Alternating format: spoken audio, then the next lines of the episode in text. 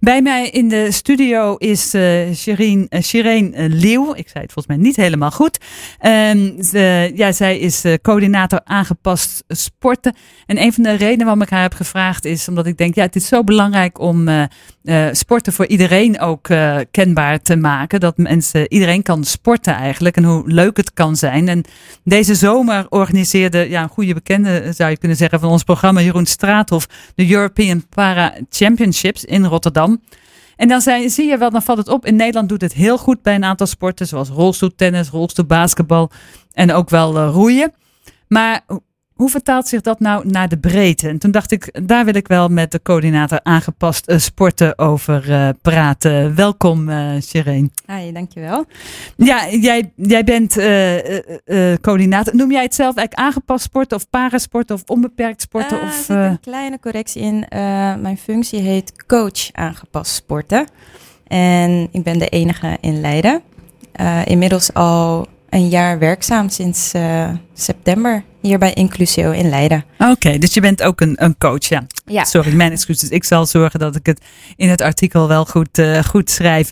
Uh, maar, maar kies jij dan voor de term aangepast sporten of parasporten of onbeperkt sporten of gebruik je het een beetje door elkaar?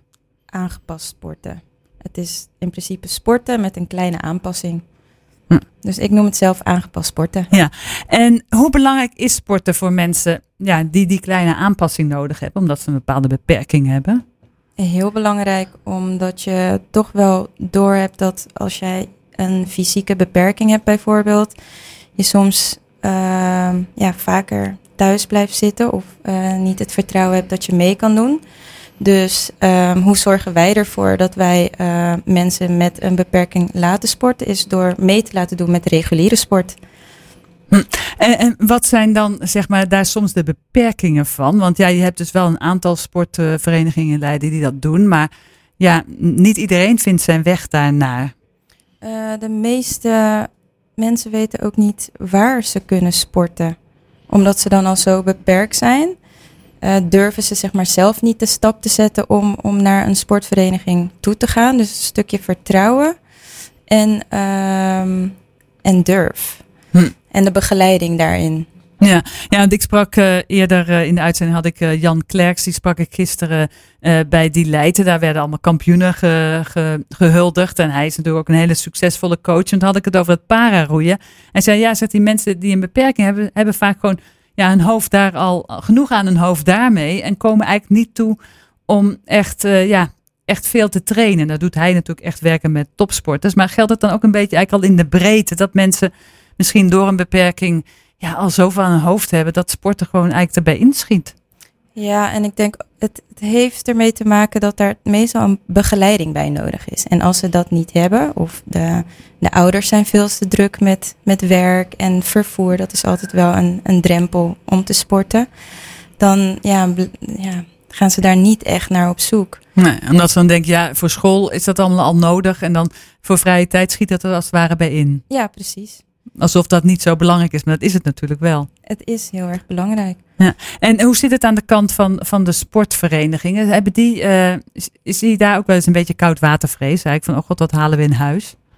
Um, ja, het, het, grootste probleem bij sportverenigingen is voornamelijk de vrijwilligers. Het is niet dat ze niet willen. Hmm. Um, maar daarvoor hebben we de clubkadercoach die een stukje verenigingsondersteuning uh, doet. Um, en als daaruit voorkomt dat een sportvereniging graag aangepast sporten wilt aanbieden, dan werken de uh, Club Kadercoach en ik werken dan samen om, om te kijken van hoe gaan we dit opzetten. Nou, want wat, wat is jouw rol in deze? Dan uh, kun je daar iets meer over zeggen. Um, nou, wat ik precies doe is individuele hulpvragen ophalen. En mensen vinden me via de website. Um, meestal ouders die zeggen van joh, uh, mijn kind die wil heel graag sporten. Um, die wil heel graag voetballen. Maar ik weet niet waar en hoe. En dit zijn de beperkingen. Kan jij me helpen? En dan gaan we kijken naar de mogelijkheden binnen Leiden, als ze in de omgeving Leiden werk, uh, wonen. En dan koppel ik ze dus aan een sportvereniging die er al is. En dan ga ik meestal eerst mee, de eerste twee keren. En daarna laat ik ze los. Want dat hebben ze dus wel echt nodig. Ze willen wel dat er iemand meegaat. Die, die eigenlijk een beetje ja, de weg plaveit, zou je kunnen zeggen. Ja. Of waar ze ook meteen, uh, als ze dan nog ergens tegenaan lopen, meteen eigenlijk kunnen vragen van wat moet ik hiermee doen? Ja, precies. precies. En geldt dat dan ook voor verenigingen? Je zegt ja, ik zoek naar verenigingen waar dan al een aanbod is. Maar zie je dan wel eens als je met iemand komt dat het dan eigenlijk nog net niet, niet matcht of zo? Uh, dat maak je ook wel eens mee. En dat ligt dan voornamelijk aan dat er geen klik is met de sport zelf. Um, en dan gaan we gewoon verder zoeken. We zoeken door totdat we een match vinden. En in Leiden werken we dus ook met de buurtsportcoaches. En mocht de sport er nog niet zijn of er is nog geen aanpassing in de sport, dan kijken wij samen met de buurtsportcoaches of we het zelfs kunnen opzetten. Oké, en heb je daar een voorbeeld van waar, waar je dat gedaan hebt? Uh, even kijken, even goed nadenken hoor. Met uh, voetbal uh, in de wijk. Je hebt dan bijvoorbeeld um, mensen met een uh, lichtverstandelijke beperking. En dat is dan niet per se fysiek. Die, dat is niet zichtbaar. Hm. Maar gaan meestal niet zo goed mee in, in grote groepen. Um, en wij hebben dan in de wijk zelf voetbal voor kinderen. En dan kunnen ze daar meedoen met de buurtsportcoaches en dan kijken of dat een match is. Ja. En, en is dan wel het idee dat ze misschien dat een tijdje doen en dan toch uiteindelijk naar een club uh, doorstromen? Ja, het is uiteindelijk wel de bedoeling dat ze naar een sportvereniging worden gekoppeld. Ja. Omdat ik kan me voorstellen dat zo'n kind of zo, als hij dan een tijdje voetbalt en merkt, hé, hey, ik kan dit best wel, of in ieder geval wat vaardigheden opdoet, dat dat ook een beetje zelfvertrouwen geeft van om wel bij een club toe te gaan. Ja, precies. Maar daar is echt wel begeleiding voor nodig. Dat gaat niet in, uh, in één keer. Je moet eerst het vertrouwen hebben. Ja. En, en die begeleiding, is dat iets wat eigenlijk dan, want als je het hebt over kinderen, altijd op het bordje van, van de ouders terechtkomt? Of is er ook een, uh, ja, je hebt soms natuurlijk ook wel eens waar een soort buddy systeem uh, is? Um, dat voornamelijk uh, met de ouders. Ja. Ja, dus ja, dat is natuurlijk altijd. Uh, die, moeten, die moeten vooral aan de bak natuurlijk uh, met uh, dit soort dingen. We gaan zo nog even verder praten over, over aangepaste sporten voor ja, mensen die een bepaalde aanpassing nodig hebben, om wat voor een reden dan ook. Maar we gaan eventjes naar, naar mu muziek luisteren. Actueel sportnieuws in Sport 071 nu op de radio. En altijd op Sleutelstad TV en sleutelstad.nl. Do you ever feel like a So Am I van Eva Max. En uh, ja, we gaan praten hier nog even verder met uh, Shireen uh, Leeuw. Shireen Leeuw, ik zeg het weer fout. Uh, ik, uh, ik moet er echt even op studeren, denk ik. Uh, van, zij is dus de coach aangepast sporten hier in Leiden. in dienst van Inclusio. Zeg ik het nou goed? Ja, klopt. Hoe ben je zo eigenlijk in dat, ja, in dat aangepast sporten ja, terechtgekomen?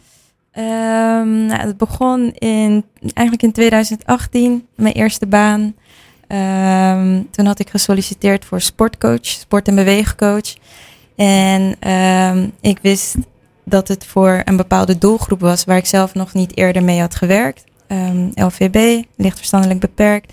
En daar kwam ik er dus achter dat het vooral om plezier gaat. En, en in, ja, het gaat niet alleen maar om bewegen, het gaat om samen zijn. En um, met kleine aanpassingen kan je mensen met een, met, ja, die het wat lastiger vinden om te bewegen, al, al helpen.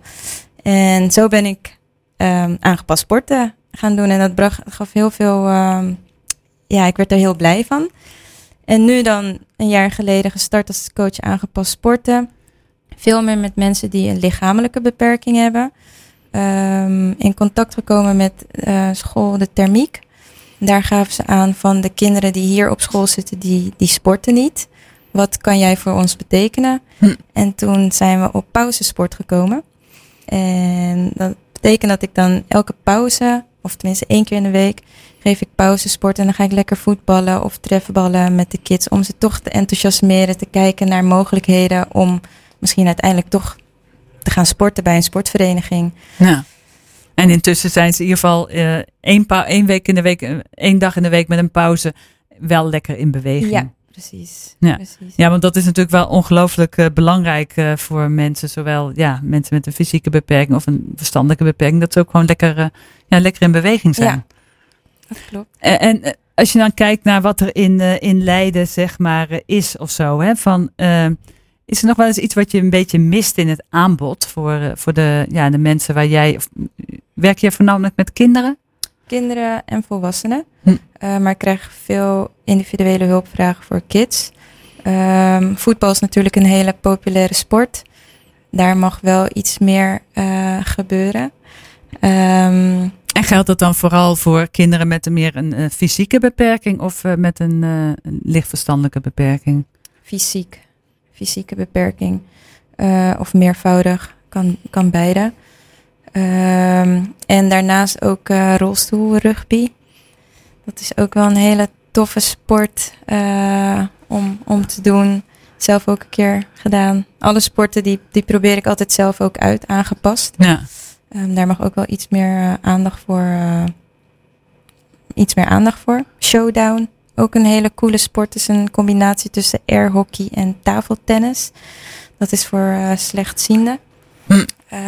Um, dus dat zijn de iets mindere, minder populaire sporten waar toch echt wel wat aandacht aan ja. worden besteed. Ja, maar als je zegt van bij voetbal dat er uh, zeg maar wat weinig aanbod is, komt dat dan een beetje, niet om clubs nou uh, met het vingertje te wijzen hoor, maar omdat ze daar ja, eigenlijk hun handen al vol hebben aan gewoon hun leden om daar uh, voldoende trainers voor te hebben en begeleiding en kantinediensten rond te breien. Dat ze eigenlijk zeggen, ja, ook met mensen met een beperking, het wordt gewoon een beetje veel. Ook, het, het is ook heel veel. En wat ik al eerder aangaf, vrijwilligers we hebben echt mensen nodig die daar willen staan en willen helpen. Maar daar komt dan weer mijn hulp. Als zij heel graag aangepast sporten willen opzetten, kunnen ze mijn hulp inschakelen. En dan gaan we kijken naar de mogelijkheden, ook met subsidies. Hm. En, en, want is dat dan ook wat jullie wel eens proberen om, zeg maar, om groepen vrijwilligers daarvoor dan te mobiliseren? Ja.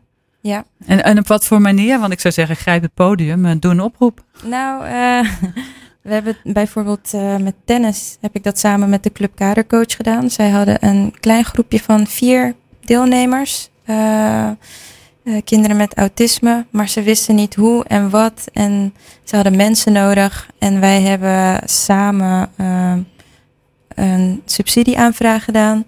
Daar hebben ze budget voor gekregen, waardoor vrijwilligers dus ook een vrijwilligersvergoeding krijgen om die les op te zetten en, en daardoor ook meer deelnemers uh, voor te krijgen. Ja. Dus in totaal heeft het nu volgens mij zeven, zeven kids die, uh, die nu tennissen. Aangepast. Ja, maar en, en in wat voor manier dan? Want ik denk niet per se in een rolstoel of zo.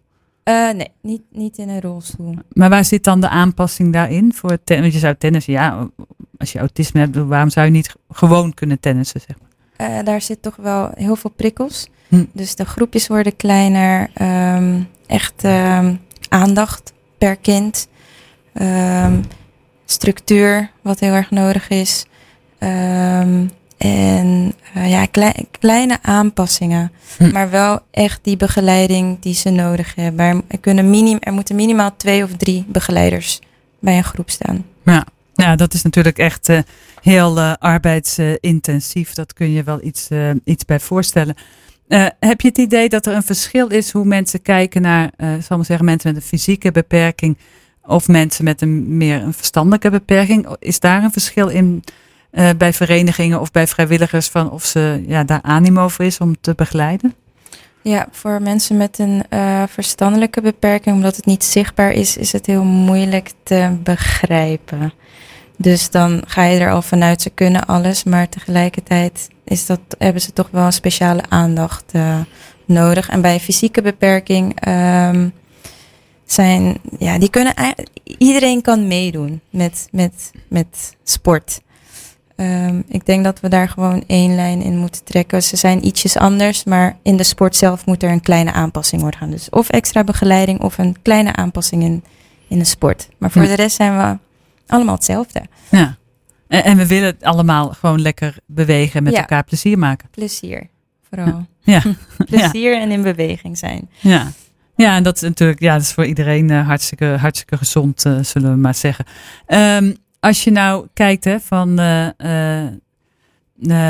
ja, waar we het net over hadden, ook van bij bijvoorbeeld, ja, je zou kunnen zeggen voetbal. Er zijn heel veel voetbalclubs. Um, heb, je, heb je een tip eigenlijk voor die verenigingen? Wat ze zouden kunnen doen om, om hun vereniging meer toegankelijk te maken?